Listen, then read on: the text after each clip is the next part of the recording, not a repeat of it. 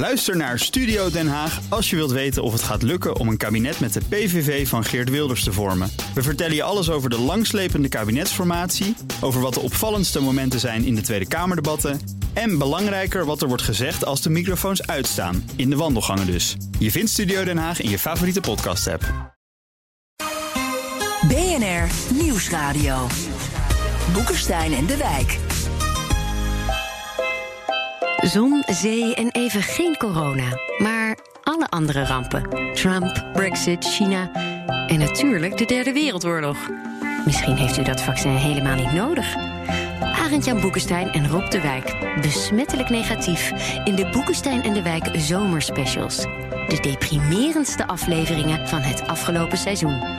Met straks een vooruitblik op rampjaar 2020, de tweede helft. Op een gegeven moment wordt het systeem instabiel en dan krijg je een situatie waarin de grootmachten zich opnieuw gaan positioneren. Iemand moet dan weer de baas worden en dat betekent een herschikking van, uh, ja, van de internationale orde. En dat doet altijd pijn. Maar eerst wat vooraf ging.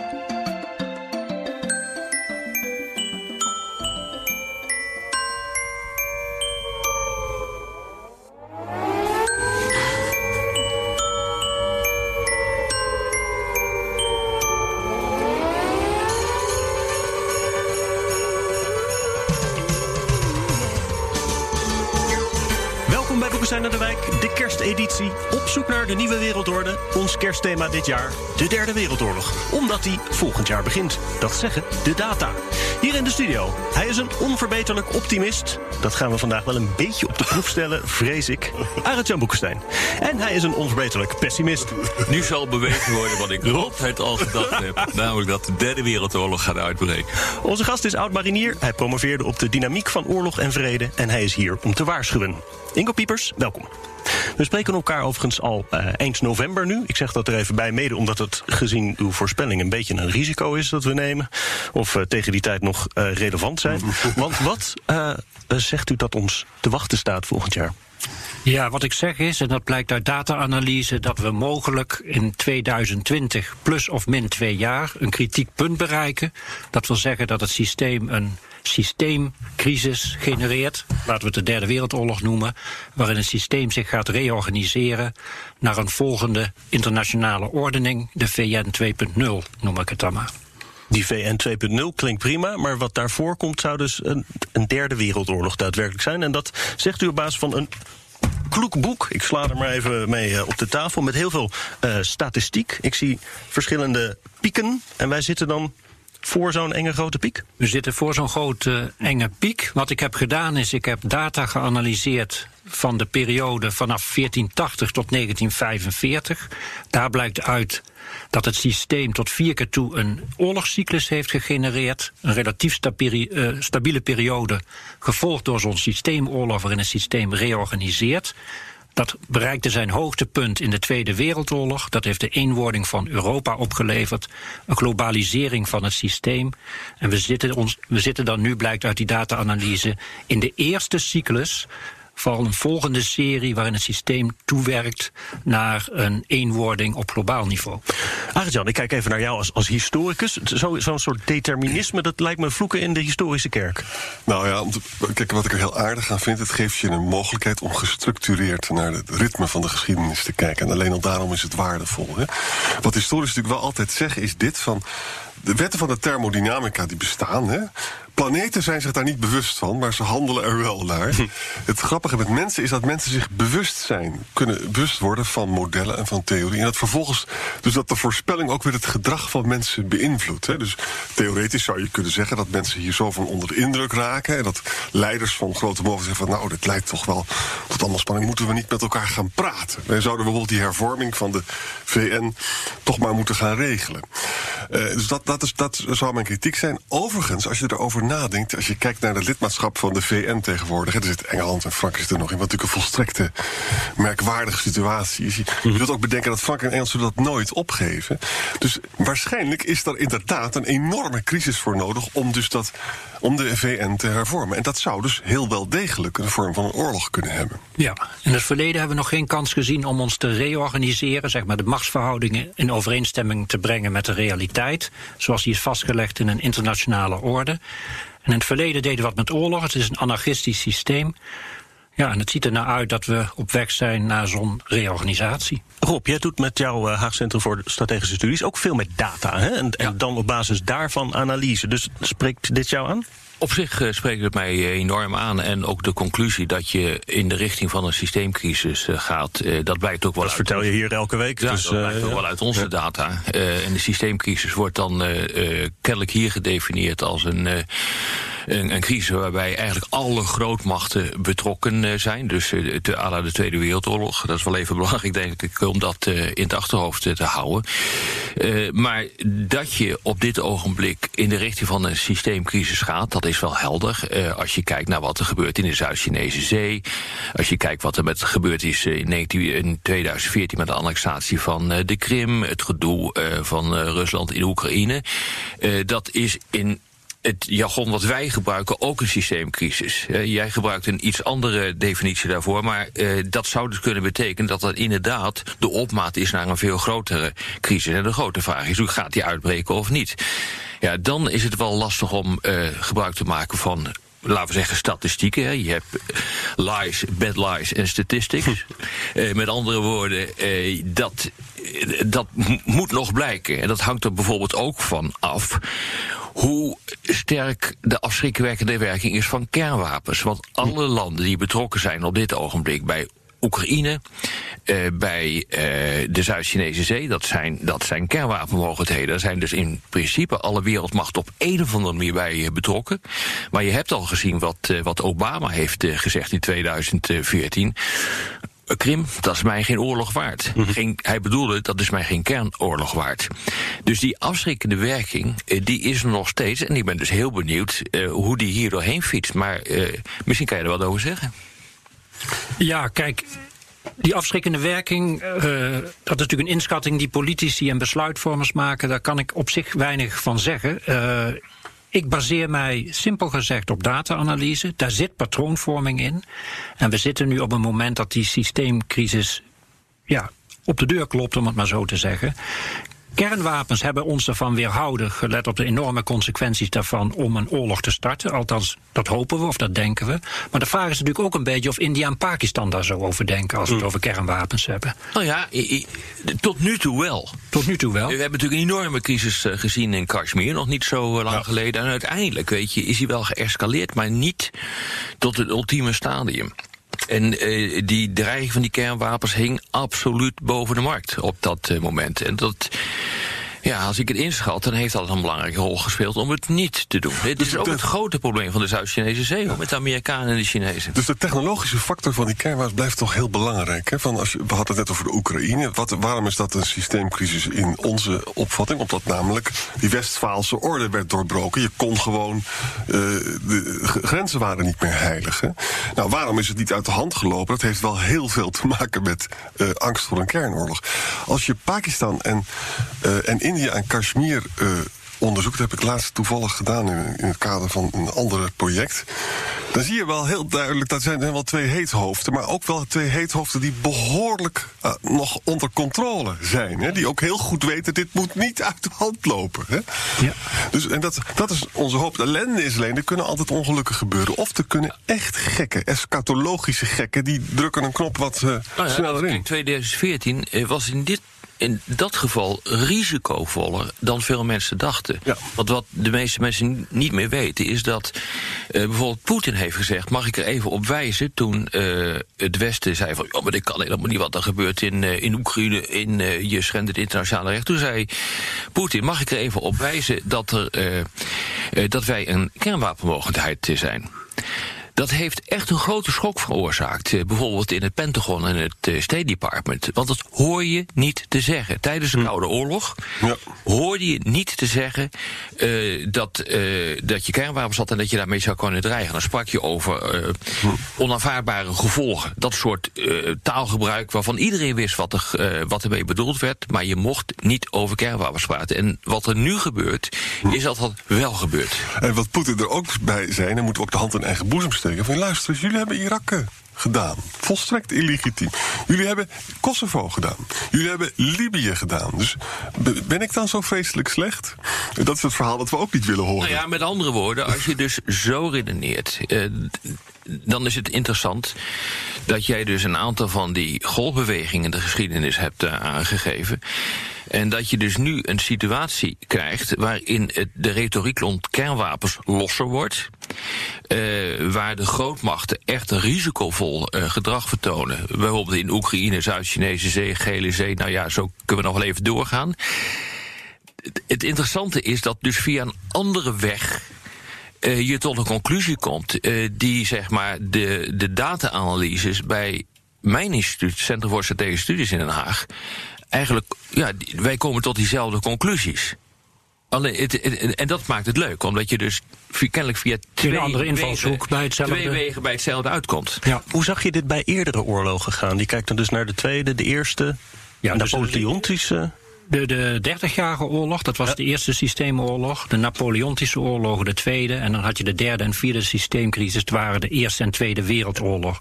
En je zag dan altijd dat voorafgaande aan zo'n systeemoorlog...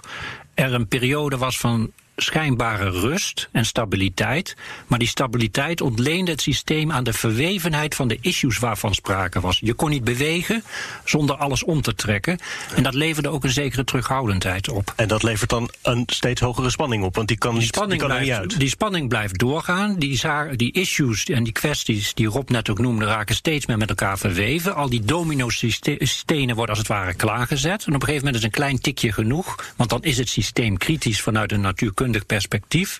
En dan valt alles om in een grote klap. En wat geeft dan het tikkie? Want je hebt wel onvergelijkbare dingen. Een, een, een, een eh, moord in Sarajevo of een invasie van Polen, zeg maar. Dat zijn hele andere dingen, toch? Strikt genomen maakt dat niet eens zoveel uit. Dat is een toevallig, zou je kunnen zeggen, incident. wat vervolgens een kettingreactie Ja, gang zet. kabinetten vallen ook over bananenschillen. Ja. Die eigenlijk gewoon helemaal niks voorstellen. Over de grote issues val je niet. Maar je valt over iets onbenullers. En inderdaad, eh, eh, zo die, die, die, eh, die moord op de kroonprins. die de aanleiding zou vormen tot de Eerste Wereldoorlog. Ja, dat was gewoon eigenlijk een sluitstuk van een hele serie incidenten. Hè? Met andere woorden, ja, dat. dat je weet nooit precies welk moment echt de tipping point gaat, eh, gaat vormen. Maar wa- waarschijnlijk is iets onbenulligs. En, en welke rol speelt eh, eh, gemeenschappelijke waarden en normen en legitimiteit?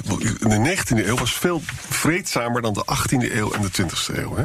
En een van de redenen daarvoor, het Weens congres, was dat het de grootmachten er met elkaar over eens waren dat, je, dat ze de legitieme prins moest wel blijven bezitten. Dus ze hadden gemeenschappelijke opvatting over hoe je een staat zou moeten inrichten. Nu is het zo dat we absoluut geen gemeenschappelijke waarden en normen hebben. Dat mensenrechten China heel anders gelden en dat democratie ook heel controversieel is.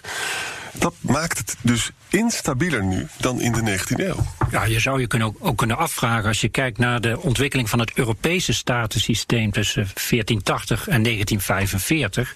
Dat begon natuurlijk ook met een gefragmenteerd Europa bestaande uit 300 mini-staatjes. Waar het ging over hele. Eh, ja, over basisnormen en waarden. Hè. Vaak waren die ook religieu- eh, religieuze eh, overtuigingen. En we zijn nu een beetje terug, maar dan op globale schaal, naar een soortgelijke situatie. Er is een hoge mate van fragmentering. En wat eigenlijk ter discussie staat, is een aantal basisbeginselen op basis waarvan wij een volgende ordening zouden moeten inrichten. Ja. Dus je zou ook kunnen beargumenteren dat misschien een eerste systeemoorlog in deze nieuwe cy- cycli van oorlogen, dat, dat, ehm, dat, dat, dat die meer zal lijken op de 30-jarige oorlog qua structuur dan op de Tweede Wereldoorlog. Maar Is dit een geruststellende gedachte of niet? Ik zit Nou, even te... Ik denk het niet. Oké. Religieuze oorlogen zijn de meest bloedige die er zijn. precies. Met die gedachte gaan we even naar de reclame.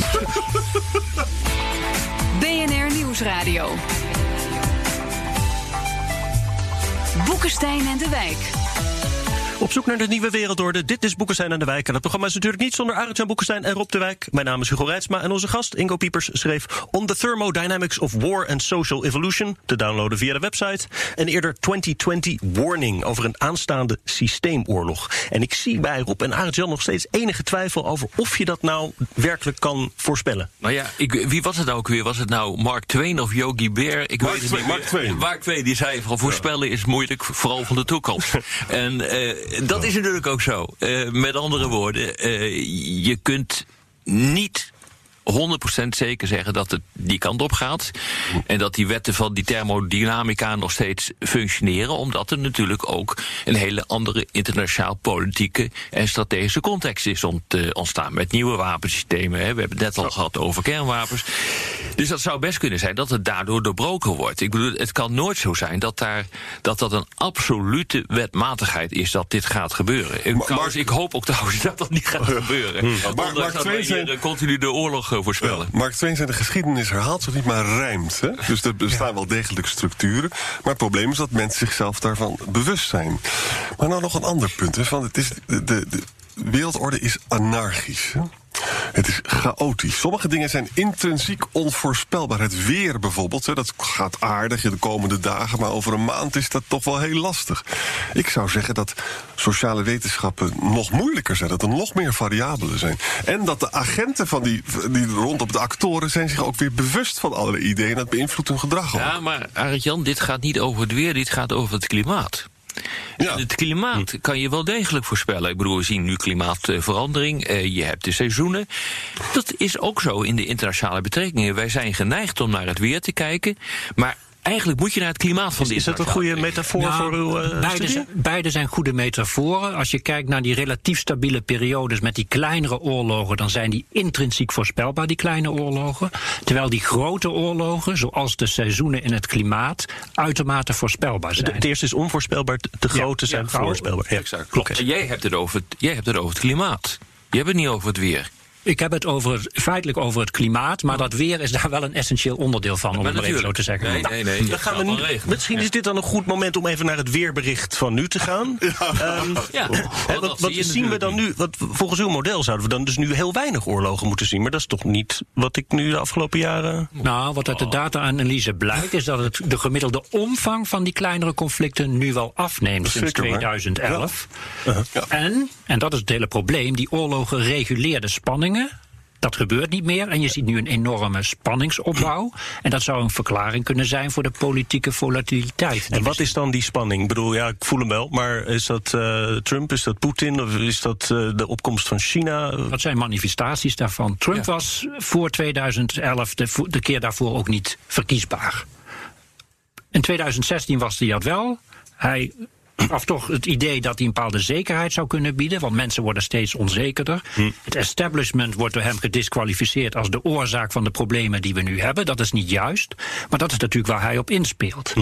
Dus die hele onrust, die onzekerheid die we allemaal voelen, dat is typisch voor deze periode, want die spanningen kunnen ook nergens meer naartoe. Ja, jullie de spanning ook. Uh... Nee, maar ja, dat is natuurlijk zo. Als je kijkt naar, ik heb hem al eerder genoemd, de annexatie van de Krim in 2014, dat was vijf jaar daarvoor ondenkbaar. Dat kon niet, want mhm. eh, dan zou Poetin nooit de, uh, de kosten-batenanalyse maken dat hij best wel dat gebied kan annexeren zonder dat het repercussies heeft. Maar bijvoorbeeld uh, de financiële crisis die in 2009 echt zo manifest werd, die heeft de, de neergang van Amerika versneld. En daardoor konden uh, potentaten als Poetin, maar ook Xi Jinping, die konden gewoon veel meer speelruimte creëren in het buitenlands beleid. Ik bedoel, dat zijn wel vaststaande gegevens. Dus in die zin ga je naar systeemverandering toe. En dan kan je het een beetje misschien verbinden met dat interessante boek van Allison. Hè? Die zegt van uh, in de afgelopen zeg maar vanaf 1500 zijn er dus uh, eh, 15 conflicten of 16 conflicten geweest tussen de hegemoon en een opkomende hegemoon. Dat ging 12 keer ging dat fout. Ja. Dat is een behoorlijke indicatie. Hè. Dus, dus zeggen heel veel mensen nu van tussen China en Amerika gaat het fout in de Zuid-Chinese zee. Dat hoeft helemaal niet zo te zijn, maar het is reden genoeg om het te onderzoeken. Nou, wat zijn nog de andere grote vragen van deze tijd? Ik zou denken van de Atlantische Bondgenootschap, dat in het verleden ongelooflijk belangrijk is geweest, is echt dood hebben wij gezegd in deze uitzendingen. De, de, de afschrikking is, ligt op zijn gat. Nou, nu is de grote vraag: kan Europa zijn act together krijgen? En als dat niet gebeurt, en dat zou zomaar kunnen, en Trump wordt ook herkozen, dan ontstaat er dus een machtsvacuum in Europa zelf. Dat valt misschien wel uit elkaar. Wat, hoe zal Poetin daarop reageren? Hoe zal Xi daarop reageren? Dat zijn denk ik de grote vragen. En, en Arjan, het gaat hier niet meer over. Ja, wij hebben er toevallig over. Maar in het publieke debat, in het politieke debat gaat het er niet over. Ik meen dat er net een, uh, discussie is geweest uh, in de Tweede Kamer over kernwapens. Uh, ik ben er niet bij geweest, uh, maar wat ik daarvan gehoord heb, is dat dat vooral ging over het gevaar van de opslag van kernwapens in Nederland. Maar dat is natuurlijk de discussie niet. De echte discussie is waar heb je die dingen voor nodig ja. en welke rol spelen ze in die veranderende wereldorde die we op dit ogenblik zien. Zijn ze dan stabiliserend of destabiliserend? Nou, ik zie ja. daar geen enkele discussie over. Dus je ziet ook dat in het publieke politieke debat dat dit gewoon eigenlijk een, een non-onderwerp is. Ook omdat het zo complex is hoor. Kunnen we ook uh, naar een nieuwe wereldorde zonder oorlog? Want nu, nu met deze voorspelling is het misschien wel handig te weten of je ook op een andere manier die spanning uit het systeem kan nou, krijgen. Tot op heden is ons dat niet gelukt. Dat kunnen we in ieder geval vaststellen. De data-analyse, ja, zoals ik zei, wijst erop dat we weer voor zo'n moment zitten. En laten we hopen dat het verstand zegeviert, dat we op tafel kunnen gaan zitten en kunnen zeggen: oké, okay, Engeland, lever dan die zetel van de Veiligheidsraad uh, maar in. Frankrijk ook en geef die maar aan India. Nou, terwijl pas je systeem of aan de Europese de, Unie. En dan haal je er spanning uit. Maar de vraag is, is dat realistisch? Mm -hmm. en, dan, en, dan, kom je met je Mersheimer-achtige opmerking van... kijk, als dat dus allemaal misgaat... Hè, dan moet je er wel voor zorgen dat je de volgende systeemoorlog wint. Want anders heb je met Chinese spelregels van doen. Nou ja, dat is het hele punt. In zo'n systeemoorlog staat op het spel hoe je je volgende internationale orde, op welke basis van welke beginselen je die gaat organiseren. En in systeemoorlog moet je winnen. Zo simpel zit het in elkaar. Liberale democratie is geen vanzelfsprekendheid. Ja. Daar zullen we voor moeten vechten. Ik zie hier wel in, in, het, in het wat grotere plaatje dat u hier heeft gemaakt, zie ik die, die piek van die oorlogen steeds groter worden. Dat, dan, dan zou ik denken dat als er nog een grotere piek komt, dan wint helemaal niemand. Nou, dat is een goede opmerking. Maar deze vier cycli, waar jij nou naar wijst op dit plaatje, heeft betrekking op, uh, op uh, de eerste vier cycli tot 1945. En we zijn een beetje opnieuw beginnen met een soortgelijke dynamiek. En de eerste piek is niet zo hoog als de laatste piek was. Dus in die zin, als het gaat over het aantal slachtoffers, voorspelt dit model dat dat lager zal zijn. Maar uiteindelijk. Het eerste goede nieuws van deze uitzending. Uh... Nou ja. Ja, even om misverstand te voorkomen. Ik hoop niet dat deze oorlog plaats gaat vinden. Ik nee, ben, ik, ik, voor de duidelijkheid. Ja. Dit, is wat, dit is gewoon wat de cijfers uh, ja. zeggen. Het nee, punt kijk. is, en dat zie je ook in Europa. Europa heeft zichzelf opgeblazen in 1939. Heeft zichzelf helemaal vernietigd. Daar is de eenwording van Europa uit voortgekomen. Maar dat vacuüm dat werd gecreëerd is tijdelijk ingevuld door de VS en de Sovjet-Unie. Binnen die context heeft Europa zichzelf kunnen repareren en zijn die instituties, althans is het fundament gelegd voor die instituties, om die eenwording, en daar worstelen we nu nog mee, gestalte te geven. Terwijl we daarmee bezig zijn, neemt Engeland al afscheid van Europa, want die willen zichzelf blijven bewijzen als een great power die recht hebben op die zetel in de Veiligheidsraad. Mm -hmm. Dat is natuurlijk het systeem ja. wat dat. Nee, maar jouw vraag was ook van, uh, is het nou vermijdelijk of, onver, uh, of onvermijdelijk. Natuurlijk is het vermijdelijk, altijd per definitie. Uh, uh, we gaan de verkeerde kant op. Ik, ik, raad je aan om naast het prachtige boek bijvoorbeeld de strategische monitor te lezen, die het Centrum voor Strategische Studies, mijn club en Klingendaal maken. Mm. Elk jaar. Hartstikke leuk is dat en dat is gebaseerd op dit soort data-analyse en dat ondersteunt ook het feit dat je dus naar een crisissituatie gaat. Maar tegelijkertijd moet je constateren dat het mensenwerk is. En realiseer je wat er bijvoorbeeld in 1989 is gebeurd, einde van de Koude Oorlog. Dat is ook in zeer belangrijke mate gebeurd omdat twee leiders, Gorbachev van de Sovjet-Unie en Reagan van Amerika, zeiden van laten we ophouden met deze flauwekul. Dat kan. Je kunt dus leiders hebben die zeggen van laten we ophouden met deze flauwekul. En dan gebeurt er dus niks. Dat kan dus inderdaad in de internationale betrekking. Gebeurt niet vaak, maar het kan. Ja, weet je, in de geschiedenis komt het nooit voor dat een grote mogelijkheid zomaar dingen opgeeft. Gorbachev heeft dat gedaan. Dat was voor Mersheimer ook een paar nachten slecht slapen. Want dat, een realist kan dat niet voorspellen. Ja, dat klopt het niet volgens de theorie. nee, daar had een oorlog uit moeten breken. Ja. ja. Ja. Nou, een klein moment van hoop eigenlijk. Ja. Dan ja, moeten we ermee stoppen. Wel jammer eigenlijk Ja. hoor. Ingo Piepers, de gast in Boeken zijn aan de Wijk, rampjaar 2020, de eerste helft. Nu de tweede.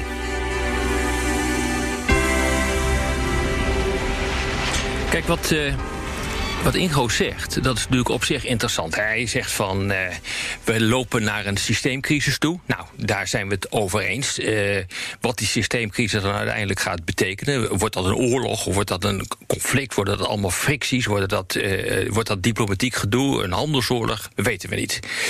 Maar een van de dingen die hij heeft gezegd, hij zegt, nou ja, zeg in 2020, 21 zou het kunnen gebeuren dat er een soort kantelmoment komt, een trigger. denk jij nou dat die, die COVID-crisis, dat dat zo'n trigger is? Nou, weet je, ik, ik ben meer historicus dan politicus. Ik geloof niet dat we dingen kunnen voorspellen. Maar wat we wel kunnen zeggen, wat we zeker kunnen zeggen, is dat de spanningen door COVID-crisis. De wereld is, absoluut instabieler geworden. Dat is absoluut waar. Waarom? De nieuwe hegemoon China komt er sterker uit. En de Amerikaanse, de huidige hegemoon, komt er slechter uit. En we weten in de geschiedenis, hè, was het ook weer het rijtje erop van de 17 conflicten uh, tussen great powers was het, was het was twaalf keer, hè, dus tussen een hegemoon en een nieuwe, was het twaalf keer oorlog. Ja, dat klopt. En uh, dat is het, uh, het beroemde boek van Graham Allison. Ja. Uh, die heeft voorspeld van, of die, die heeft gewoon uitgezocht wat gebeurt er nou bij die grote machtstransities in de wereld. Dat is niet helemaal wat, wat Ingo doet. Nee. Want die laat een een of andere ingewikkelde formule op, op los. En zegt van nou, op een gegeven moment wordt het systeem instabiel. Nou, dat is eigenlijk ook wat via een andere route Graham Allison zegt. Op een gegeven moment wordt het systeem instabiel. En dan krijg je een situatie waarin de grootmachten zich opnieuw gaan positioneren. Iemand moet dan weer de baas worden. En dat betekent een herschikking van, ja, van de internationale orde. En dat doet altijd pijn. En je ziet natuurlijk nu al uh, dat, dat gebeuren. Maar dat hebben we eigenlijk ook al tijdens die uitzending gezegd. je ziet allerlei fricties op dit ogenblik komen tussen Amerika en China. En ik denk wel dat wij twee het er toch wel over eens zijn. Dat die, dat die COVID-crisis, die coronacrisis, ertoe heeft geleid dat dat alleen maar versterkt is. He, dat ja. alleen, maar, maar, maar leidt dit nou tot een ongelofelijke clash, denk je? Of niet? De, de, de, ongelofelijke clash kan ik me niet zo goed voorstellen. Maar mensen zijn tot alles toe in staat. Weet je wat? Dat is nog een factor die de zaak erger maakt.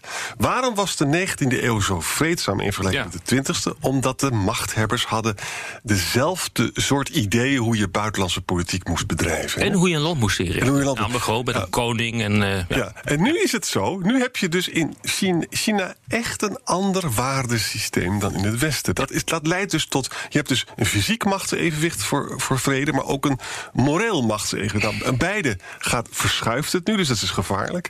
Nou, nu je vraag.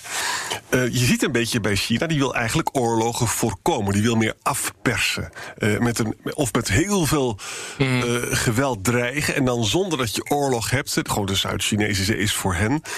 Dat scenario lijkt me meer voor de hand. Maar dan zeg jij natuurlijk terecht van ja, maar op een gegeven moment moeten de Amerikanen toch echt iets doen. Hè? Nou, in de Zuid-Chinese zee schijnt dat militair al niet meer te kunnen. Maar ja, en daar kunnen fouten worden gemaakt. Nou ja, en wat je dus ziet tijdens die COVID-crisis of die coronacrisis... is hoe uh, China bezig is geweest in Europa. En dat is toch heel erg interessant. De eerste discussies over hulpprogramma's vonden plaats... binnen het zogenaamde 17 plus 1 format. Dat is het, het format, uh, het forum... Waarin 17 wat armere Oost-Europese landen, Zuid-Europese landen met China discussiëren. Daar hebben de eerste videoconferenties plaatsgevonden van hoe die hulp moest worden uh, uh, georganiseerd. Uh, dan vervolgens zie je dat het uit is gerold, die hulp, via de Belt and Road landen. Dus het Belt and Road initiatief is een, is een economisch samenwerkingsinitiatief van individuele Europese landen en, en China. Oost-Europese en, en vooral ook, Italië. ook Italië zit daar ook bij, maar ja. inmiddels ook Portugal. en wat je, wat je ziet, en is, is dat uh, als je naar de opiniepeilingen kijkt, dan moet je constateren dat de soft power, zeg maar de aaibaarheid, de aantrekkingskracht van China enorm is toegenomen. Ja. En die van Amerika enorm is afgenomen. Heel echt een, een, enorme verschuiving heeft er plaatsgevonden. Bij duurzaamheid, bij gezondheidszorg. Ja. Ja, ja, maar ook gewoon het vertrouwen wat je hebt in een land. Uh, neem van mij aan dat het niet gek is door al die hulpgoederen die vanuit China naar Italië zijn gegaan. Dat die Italianen veel meer vertrouwen hebben in Xi Jinping dan in Trump, die alleen maar met zichzelf bezig is en die voorstelt om bleekwater bij wijze van spreken in jaderen te spuiten. Ik bedoel, die man wordt gewoon niet vertrouwd, wordt niet serieus genomen. Dat betekent dus heel veel hoor. Ik weet niet hoe jij erover denkt, maar als je dat op je laat inwerken, wat er dan gebeurt dan, dan moet je toch wel constateren dat dat Belt and Road initiatief, die nieuwe zijderoutes, dat die een echte splijtswamp kunnen gaan vormen binnen de Europese Unie. Wat natuurlijk ook gewoon tot conflicten ja, kan leiden binnen het, de Unie. Ja, om het heel dramatisch te zeggen, ja. van uh, Amerika heeft het dus ongelooflijk laten zitten hier. China heeft enorm geprofiteerd van Europese verdeeldheid en heeft het ook nog verder uit elkaar gespeeld. En misschien is Europa gewoon te laat om de Chinese macht ook in Europa in te dringen? Ja, ik denk, Jan, uh, dat dat zou kunnen. Uh, maar dan moeten we even gaan kijken wat er straks gaat gebeuren met. ja, met de wijze waarop de hulpprogramma's, de herstelfondsen, in Europa tot stand komen en worden verdeeld. Ik bedoel, als dat goed gaat, dan heb ik daar wel vertrouwen in. Maar als dat niet goed gaat. Dan hebben we een gigantisch probleem. Dan hebben we een gigantisch probleem. En het gekke is, Nederland speelt daarbij een hoofdrol. En dat geeft toch echt te denken.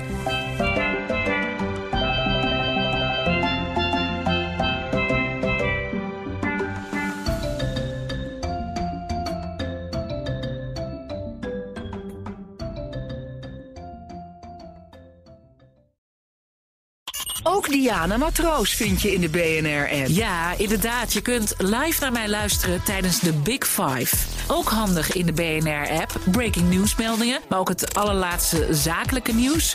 En je vindt in de app alle BNR-podcasts, waaronder Wetenschap Vandaag. Download nu de gratis BNR-app en blijf scherp.